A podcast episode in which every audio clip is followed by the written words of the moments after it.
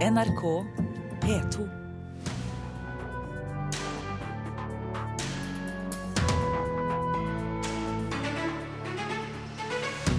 Film- og TV-bransjen utpeker strømmetjenesten Popcorn Time som den nye store trusselen. Alle i Norge burde få sett den, sier vår anmelder om Påfuglen, en urettferdig musikal. Årets bokhandel tør å tenke annerledes, og det liker forfatterne. Og strengere sikkerhet for haute couture. Motuken er i gang i Paris. Dette er saker her i Kulturnytt i Nyhetsmorgen i NRK.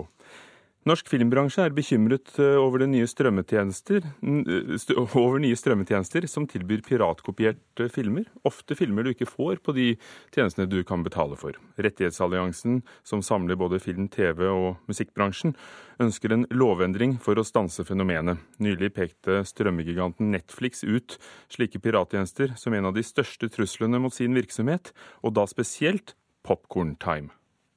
Og så trykker 'watch now', og så streamer den. Akkurat som den gjør fra Netflix. Filmentusiast Simon Strømse er inne på strømmetjenesten Popcorn Time. Her er et stort utvalg av piratkopierte filmer gratis tilgjengelig for nettbrukere.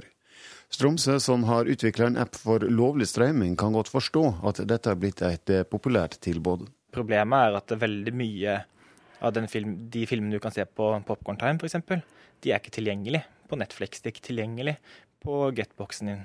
De er ikke tilgjengelig på noen av de tjenestene som finnes der ute i dag. Nettpirater har vært et stort problem for filmbransjen i mange år, men da betalingstjenester som Netflix ble en suksess, trodde mange problemet var løst. Da Netflix presenterte kvartalsrapporten sin i forrige uke, var det nettopp Popcorn Time og andre lignende tjenester de mente truga virksomheten deres mest. Også norske rettighetshavere er uroa, sier Willy Johansen i Rettighetsalliansen. Veldig bekymret eh, i og med at det dukker opp flere og flere sider. Og vi ser det er veldig vanskelig å få stoppet eh, mange av disse sidene. Jeg sjekka Kon-Tiki. Den lå ikke der, så det gjorde meg jo eh, litt mer avslappa. Kon-Tiki-produsent Åge Aaberge er letta over at han ikke finner egne filmer på Popcorn Time, men også han synes slike tjenester er problematiske. Nei, Problemet er jo at uh, hvis ikke noen vil betale for de produktene vi lager, så mister vi vårt eksistensgrunnlag. Og det er jo ganske alvorlig, selvfølgelig. Ta et eksempel som Kon-Tiki-filmen som jeg produserte. Da vi hadde utviklingskostnader i 3-4 millioner kroner, og vi hadde produksjonskostnader totalt på langt over 90 millioner. Og det er klart, Hvis ikke folk vil betale for å se den filmen, så, så kan ikke vi lage sånne filmer lenger. Kulturdepartementet skriver i en e-post at strømming av piratkopierte filmer ikke er brudd på opphavsretten. Rettighetsalliansen vil derfor endre reglene. Det er dessverre sider som er proppfulle av norske filmer. Jeg tror vi trenger en liten endring av lovverket for å få stoppet disse ulovlige tjenestene. Men filmentusiast Simon Stromsø mener løsninga ligger hos bransjen sjøl. Altså Løsninga lig ligger i lufta, den ligger der. og det er, at eh, det er at så fort en film blir tilgjengelig på DVD, så må den også bli tilgjengelig på streamingtjenester. Og så må den også bli tilgjengelig på streamingtjenester globalt, ikke først i USA og så i resten av verden. For det er det, som, det, er det Popcorn Time gjør. Det er at idet en film blir tilgjengelig på DVD i USA, så er den tilgjengelig over hele verden via Popcorn Time. Det, der er det et marked. Det er derfor folk bruker Popcorn Time. Hvis bransjen selv fyller det markedet, og så fort den gjør det, så kommer eh, tjenester som Popcorn Time mest sannsynligvis til å dø ut. Og reporter var Espen Alnes. Vi har ikke lyktes i å få en kommentar fra Popcorn Time til denne saken, men eh, i en kommentar til NRK sier kommunikasjonsdirektøren i Netflix at selskapet generelt tror at brukere vil velge god brukervennlighet og en hyggelig pris fremfor pirattjenester. Marius Arnesen i NRK Beta, er det en naiv holdning av Netflix? Nei, det syns jeg er en eh, veldig god holdning av Netflix. Jeg tror de er absolutt inne på noe som det også sies i reportasjen her. Eh, tjenestene eh, som vi betaler for, er de gode nok? Har de nok innhold? Og er de brukervennlige nok? Så tror jeg, og jeg er enig i den uttalelsen, at da, da slår man piratene. Men her hører vi at denne tjenesten som tilbyr filmer som er lagt ut ulovlig, har flere filmer og ser like proff ut. Ja, den ser nesten faktisk bedre ut, og det er jo litt av problemet, og spesielt kanskje problemet til Netflix. Du husker på at når Netflix kom, så var de absolutt best i det, i det gamet her. De, de, slo resten av bransjen. De tilbød masse filmer, og de var over hele verden. De var veldig brukervennlige. Nå blir de på en måte slått litt i sitt eget spill, og klart det, det er vondt, fordi Popcorn Time er et ekstremt skritt skal vi si, framover eller bakover for piratindustrien. Det er veldig mye lettere å bruke, det ser bra ut, og alle kan, kan bruke det. De tilbyr altså piratkopierte filmer og TV-serier, men likevel anser ikke Kulturdepartementet at du gjør noe ulovlig hvis du sitter og, og strømmer på Popcorn Time. Hvorfor ikke? Det er litt spesielt, fordi eh, du strømmer ikke bare når du, når du bruker Popcorn Time. Popcorn Time er som en hvilket som helst annen sånn bit-torrent-klient. Du både laster ned, men du laster også opp. Det vil si at du deler andres åndsverk. Eh, det Kulturdepartementet vel har rett i, at det er vanskelig for en gjennomsnittsnordmann å forstå at den gjør noe lovlig. Det her ser så proft ut, det ser så lovlig ut, at du rett og slett ikke er klar over at du, du bryter loven. Så det ser ut som en strømmetjeneste, men er egentlig en sånn deltjeneste som, som, er det som man kom videre med med Pirate Bay f.eks.? Ja, det er helt riktig. Det, er, det, ser en, det, det, ser ut som Netflix, men det er egentlig en BitTorrent deletjeneste. Kritikken mot filmbransjen har jo vært at de digitale tjenestene har, har vært for dårlige, tilbudt uh, for lite. Og så har bransjens svar vært nettopp Netflix, HBO Nordic osv. og så lignende osv. Og, og f.eks. NRKs nett-TV, TV2 Zoom osv. Uh, og likevel, altså, så sitter folk og deler på Popcorn Time. Hva kan det skyldes?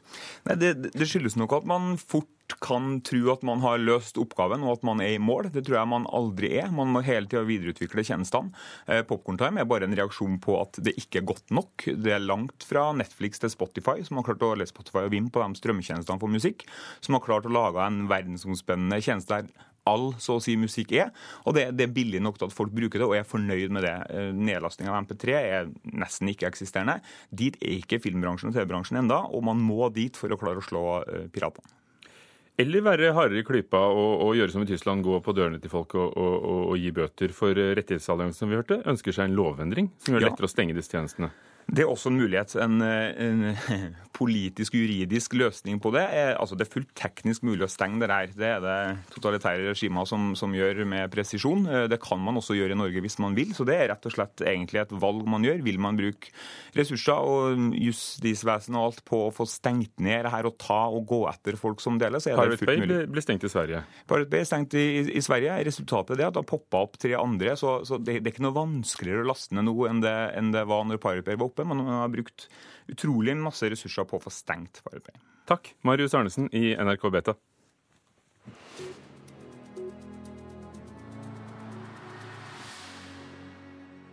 Det ble storeslem til Ruben Østlunds film 'Turist' under Gullbaggeutdelingene i nettopp Sverige i går kveld. Gullbillen, eller Gullbaggen, er den store svenske filmprisen, og Østlund fikk seks statuetter, og det gjorde han med et eget snøskredskrik. Er dere med nå, da? Tre, två, ett. Takk! Østlund fikk med seg det kjendistunge publikummet på det han sjøl kalte et lavinskrik, fritt etter ei scene fra filmen hans 'Turist'.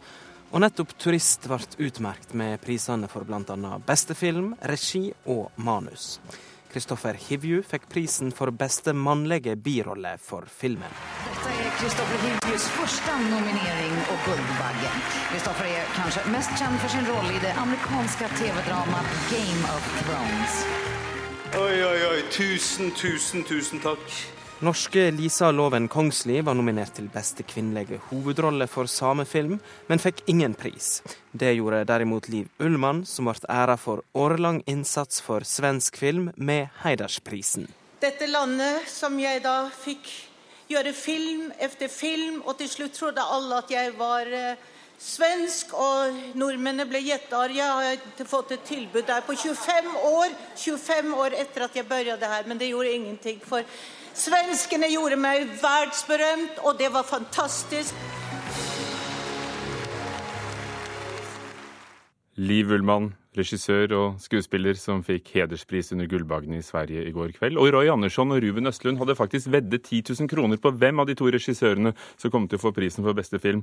Og så ble det altså Ruben Østlund. Roy Andersson fikk bare én film for sin film 'En due satt på en gren og fundert over tilværelsen', nemlig for beste scenografi. Reporter Lars Ivar Nordahl. Eldorado bokhandel i Oslo blir årets bokhandel. Den norske forfatterforeningen kårer en bokhandel hvert år som de mener utmerker seg og formidler litteraturens mangfold.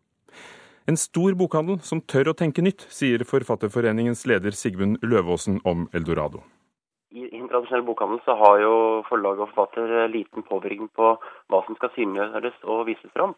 Men her leier de rett og slett ut hylleplass til forlagene. Det er forlagene som kan bestemme innholdet og dermed også sørge for at uh, eldre titler fortsatt kan finnes synlig i bokhandelen. At uh, helt ulike sjangere kan stå side om side og uh, bli vist frem på en måte som gjør at bokkjøperne trolig plukker med seg andre ting i en sånn bokhandel enn de ville gjort i en vanlig bokhandel, der de kanskje ikke hadde kommet lenger enn til salgsbordet ved inngangen. Sigmund Løvaasen, Forfatterforeningen. Verdens største sosiale nettverk, Facebook, har vært ute av drift pga. tekniske problemer. Brukere over hele verden meldte på Twitter tidligere i morges at de ikke fikk logge seg inn på Facebook. Og også Facebook-eide Instagram og sjekkeappen Tinder er nede, men nå er det i gang igjen, og folk kan begynne sjekkingen.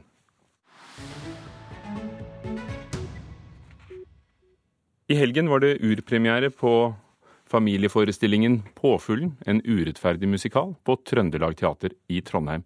Det hørtes sånn ut. Skal vi la de få bo på søppelplassen vår? Nei. Nei, nei, så hva skal vi gjøre da? eh, Ja, vi tar bulldoseren, og, og, og, og så rydder vi søppelplassen her, sant? Og, eh, og så alle som støtter Gribbens kamp for en ren og trygg by, hjelper til. Og så rydder vi søppelplassen. Er dere klare? Kjør! Kjør!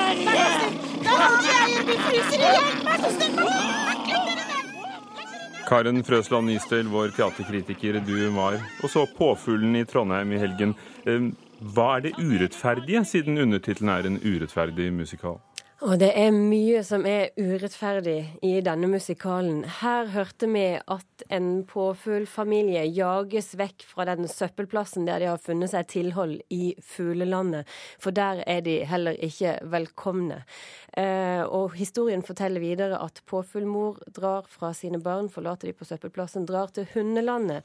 Et, eh, et land der de har det godt, eh, med velstand, og der alt skal være så rettferdig. Um, når hun kommer dit, så, så, er det ikke så lett å, å, tjene til livets opphold. Og hun møter en hundefamilie som òg syns at det er urettferdig. Det er urettferdig at noen ikke har det så bra som alle andre. Det er urettferdig at vi må dele av det vi har. Det er i det hele tatt utrolig mye som er urettferdig. Det er et komplekst urettferdighets- og rettferdighetsbilde vi får i denne musikalen. Tyra Tønnesen er regissør. Hva har hun gjort med, med stykket? Altså, dette handler jo egentlig om mennesker som lever under dårligere kår enn vi eksempelvis gjør i Norge, som kommer hit for å tigge og tjene til livets opphold på den måten. Hun har tatt tak i enormt kompleks tematikk. Musikken i stykket, skrevet av Jovan Pavlovic, er inspirert av romanikulturen, og da har vi med en gang en, en stor problemstilling som vi har snakka mye om i Norge, som er aktuell hele veien, nemlig det at folk kommer hit for å tigge fordi de ikke har andre alternativer. Dette er komplekst, dette er teater for barn, og Tyra Tønnesen og ensemblet har satt dette til dyreverdenen og laga fugleland og hundeland. Um, musikken illustrerer karakterene, illustrerer handlingen veldig godt. Men det, det de har gjort som jeg syns er bra, det er at de har våga å trekke fram kompleksiteten i denne problemstillinga. De slemme og de snille fins ikke. Det er enormt nyansert, det vi får se på, på Trøndelag Teater. fordi I hundeland så, så, vil de jo gjerne hjelpe, men fraskrive seg likevel ansvar. Dette får noen andre ta seg av, sier de, når, når det å hjelpe gjerne kanskje rammer de sjøl. Uh, og samtidig, disse påfuglbarna som mor da forlater på søppelplassen i fugleland, de, de, de, stjeler selv om de vet at ikke de skal gjøre det. De finner ei flaske sprit på søppelplassen, og så drikker de av den. Det er, det er så komplekst, det er så mange problemstillinger som trekkes fram. Det gjør det til utrolig interessant teater. Skal vi høre litt på Jovan Pavlovitsjs musikk? Ja.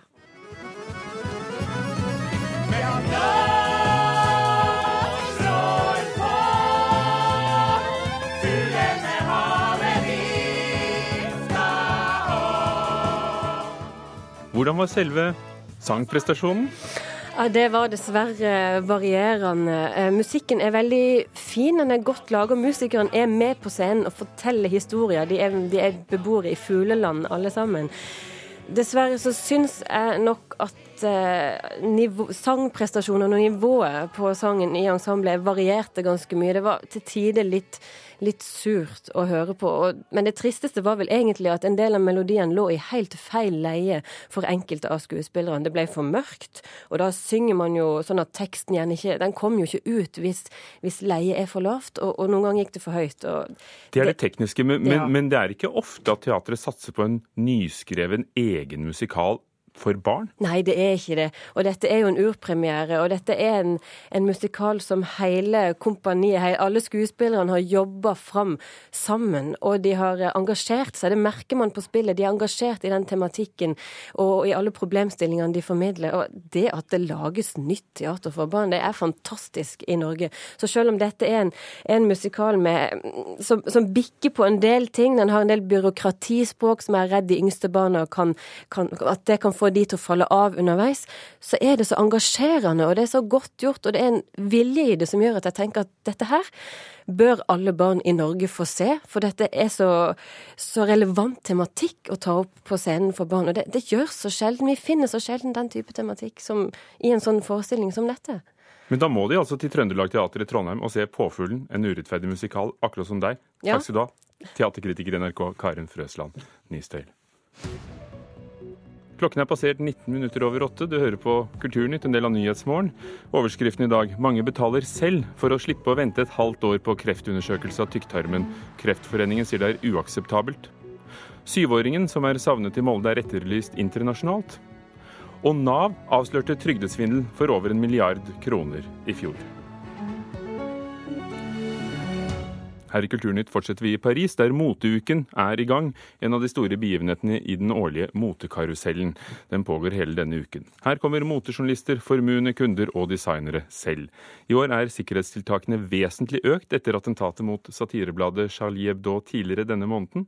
Vår svenske reporter i Paris, Johan Tolgert, fikk merke vaktenes tilstedeværelse. Alors, attends. Oui, il est, il est où ton Monsieur Non, non, non, pas là. Ah, c'est lui. Non, non, non. Allez-y. Nei, nei, nei.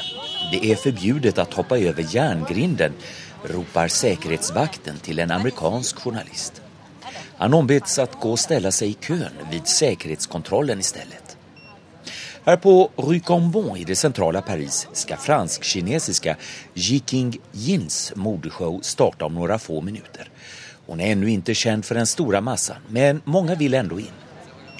Säkerheten kring Paris Fashion Week är enormt sedan attentatet mot satirtidningen Charlie Hebdo och den judiska matbutiken i början av månaden. Vid säkerhetskontrollen ber pressattachén Pascal om gästernas inbjudningskort. De är försedda med en streckkod. Har du sett så moderna apparater vi har i år, säger Pascal. Pussar gästen på kind och bipper av streckkoden som kontrollerar att det är ett äkta inbjudningskort. Når kommet inn gästerna sedan kommit in i lokalen får de öppna sina väskor samt visa upp identitetskort för en annan vakt. Paris Fashion Week är ett årligt evenemang sedan 1973. Modeveckan är en händelse där designers har chansen att visa nya kläder, skor, väskor och andra tillbehör. Ett 50-tal modehus finns på catwalken och närmare 3000 designers, köpare, bloggare, journalister och kändisar strömmar då till Paris. Kinesiska journalisten Melodi tycker det finns gott om säkerhetsarrangemang kring modeshowerna. Security. Som för att visa hur solidarisk Melodi är med satirtidningen Charlie Hebdo så säger hon på mandarinkinesiska Jag är Charlie. Mordeveckan innledes med belgieren Walter van Beirendonk som overraskende lät en manlig modell komme med en plastskjorta på catwalken. På den stod det Stop terrorizing our world. Sluta terrorisera vår värld. Kanske kommer ingen att våga promenera med en sån slogan på gatan. Men man måste våga experimentera lite, sa Walter van Beirendonk till TV. Även om man i pressen meddelat att säkerheten kring årets Paris Fashion Show är den strängaste någonsin så finns det ändå ingen detektor som på flygplatser. Så frågan jag ställer mig är, räcker verkligen säkerheten? Ja, för man får inte oroa sig i onödan, svarar italienske koreografen Giorgio Mancini som får sina kostymer designade av just Jiking Yin. Strax innan han springer in säger han att man får aldrig låta rädslan vinna. Se c'è la paura non si fa più niente, bisogna vincere la paura.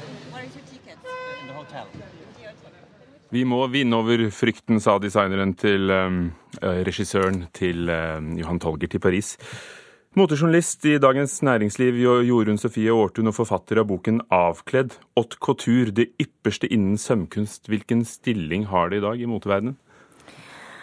Haute couture det betyr jo høy skreddersøm, som du sa. Og det er en tradisjon som vokste frem på midten av 1800-tallet. Og som det foregår i dag, er da at det er et knippe eksklusive, nøye utvalgte mennesker som reiser til Paris for å se disse motevisningene. Og så får de bestille disse klærne etterpå. De går i atelierene, og så får de Det er håndsydde klær, og det er veldig eksklusivt. Og veldig, veldig eh, VIP. Hvem er kundene i dag? Kundene i dag, det er, det er en ganske begrenset liste. Det er kanskje 2000 personer totalt. Tradisjonelt sett så har kundene vært veldig sånn høyt representert av overklassen. Folk med veldig mye penger, og som har en enorm interesse for klær. Og de ser på disse plaggene som kunstobjekter og samlegjenstander eh, som de investerer i.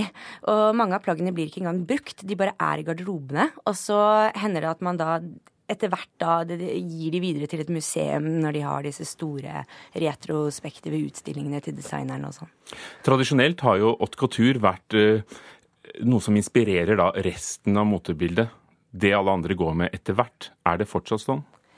Ja, det er jo fortsatt sånn at uh, haute couture er toneangivende i sin sjanger og form, fordi mange mener dette er mer kunst enn kommers. Men det har kommet nye kjøpegrupper til, og det er også det som puster liv i denne tradisjonen. Det har kommet kunder fra Kina, det har kommet kunder fra Brasil, fra Russland, fra Midtøsten, som kanskje har litt andre preferanser. Og det har gjort at uh, disse motevisningene kanskje ikke drar motebildet i nye retninger. Uh, de er ikke så eksperimentelle og avantgarde. Det er blitt mer viktig at disse klærne også skal kunne brukes fordi man ønsker å manifestere rikdommen sin.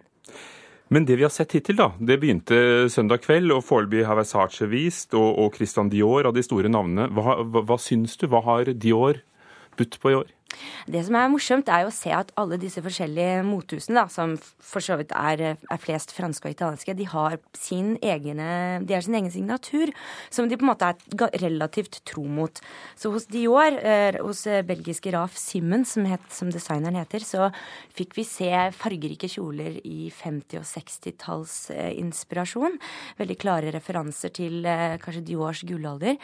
Mens hos Versace så så man eh, mer kroppsnære, kroppshyllende kjoler som garantert kommer til å bli sett på Oscar-utdelingen om kort tid. Da vet vi hvor det kom fra. I, senere i formiddag skal Chanel vise, men så er det jo mange navn som er mindre kjente, ikke har de store merkevarene som Chanel og Dior. Er det overraskelser blant dem? Det er det. Og som sagt så er haute couture-publikummet eh, veldig ute etter kunsten og det særegne ved klærne.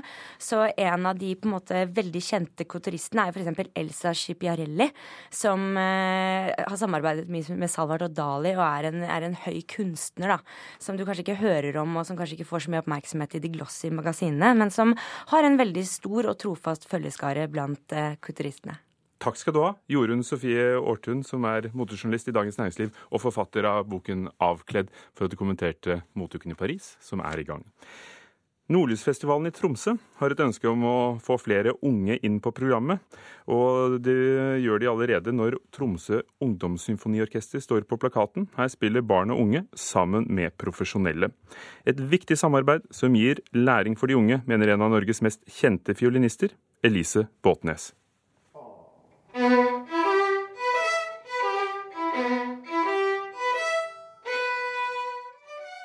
er veldig gøy, og så lærer vi veldig mye.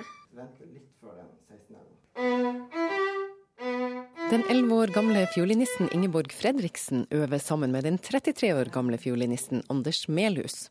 Han er ansatt i Nordnorsk Symfoniorkester. Hun er en av 40 unge mellom 10 og 18 år som er med i Tromsø Ungdomssymfoniorkester.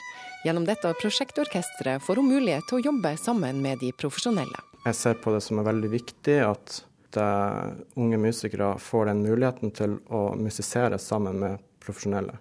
Det er ofte da man lærer best. Jeg husker sjøl når jeg var ung hvor mye det betydde for meg å ha den muligheten av og til å spille med profesjonelle eh, som ga store musikalske opplevelser som eh, varte, og kanskje var veldig viktig for at jeg valgte å satse på fiolin som yrkesvei. I kveld er det konsert med Ungsy, som orkesteret kalles, i regi av Nordlysfestivalen i Tromsø. Prokofjev og Wagner er noe av det som står på repertoaret, og da Ingeborg fikk notene i høst, tenkte hun Så vanskelig. Det var veldig mye noter. Men jeg tenkte jo også at vi kom til å klare det, fordi at vi hadde jo ganske god tid. Ifølge hun som er kveldens dirigent, solist og kunstnerisk leder, har de klart det helt fint. Framgangen har vært stor, forteller Elise Båtnes, som sjøl var ti år første gang hun spilte med et stort symfoniorkester. Det er kjempeviktig, og det er det som er det geniale med musikk. da, er At man kan møtes i et sånt uh, forum som det her.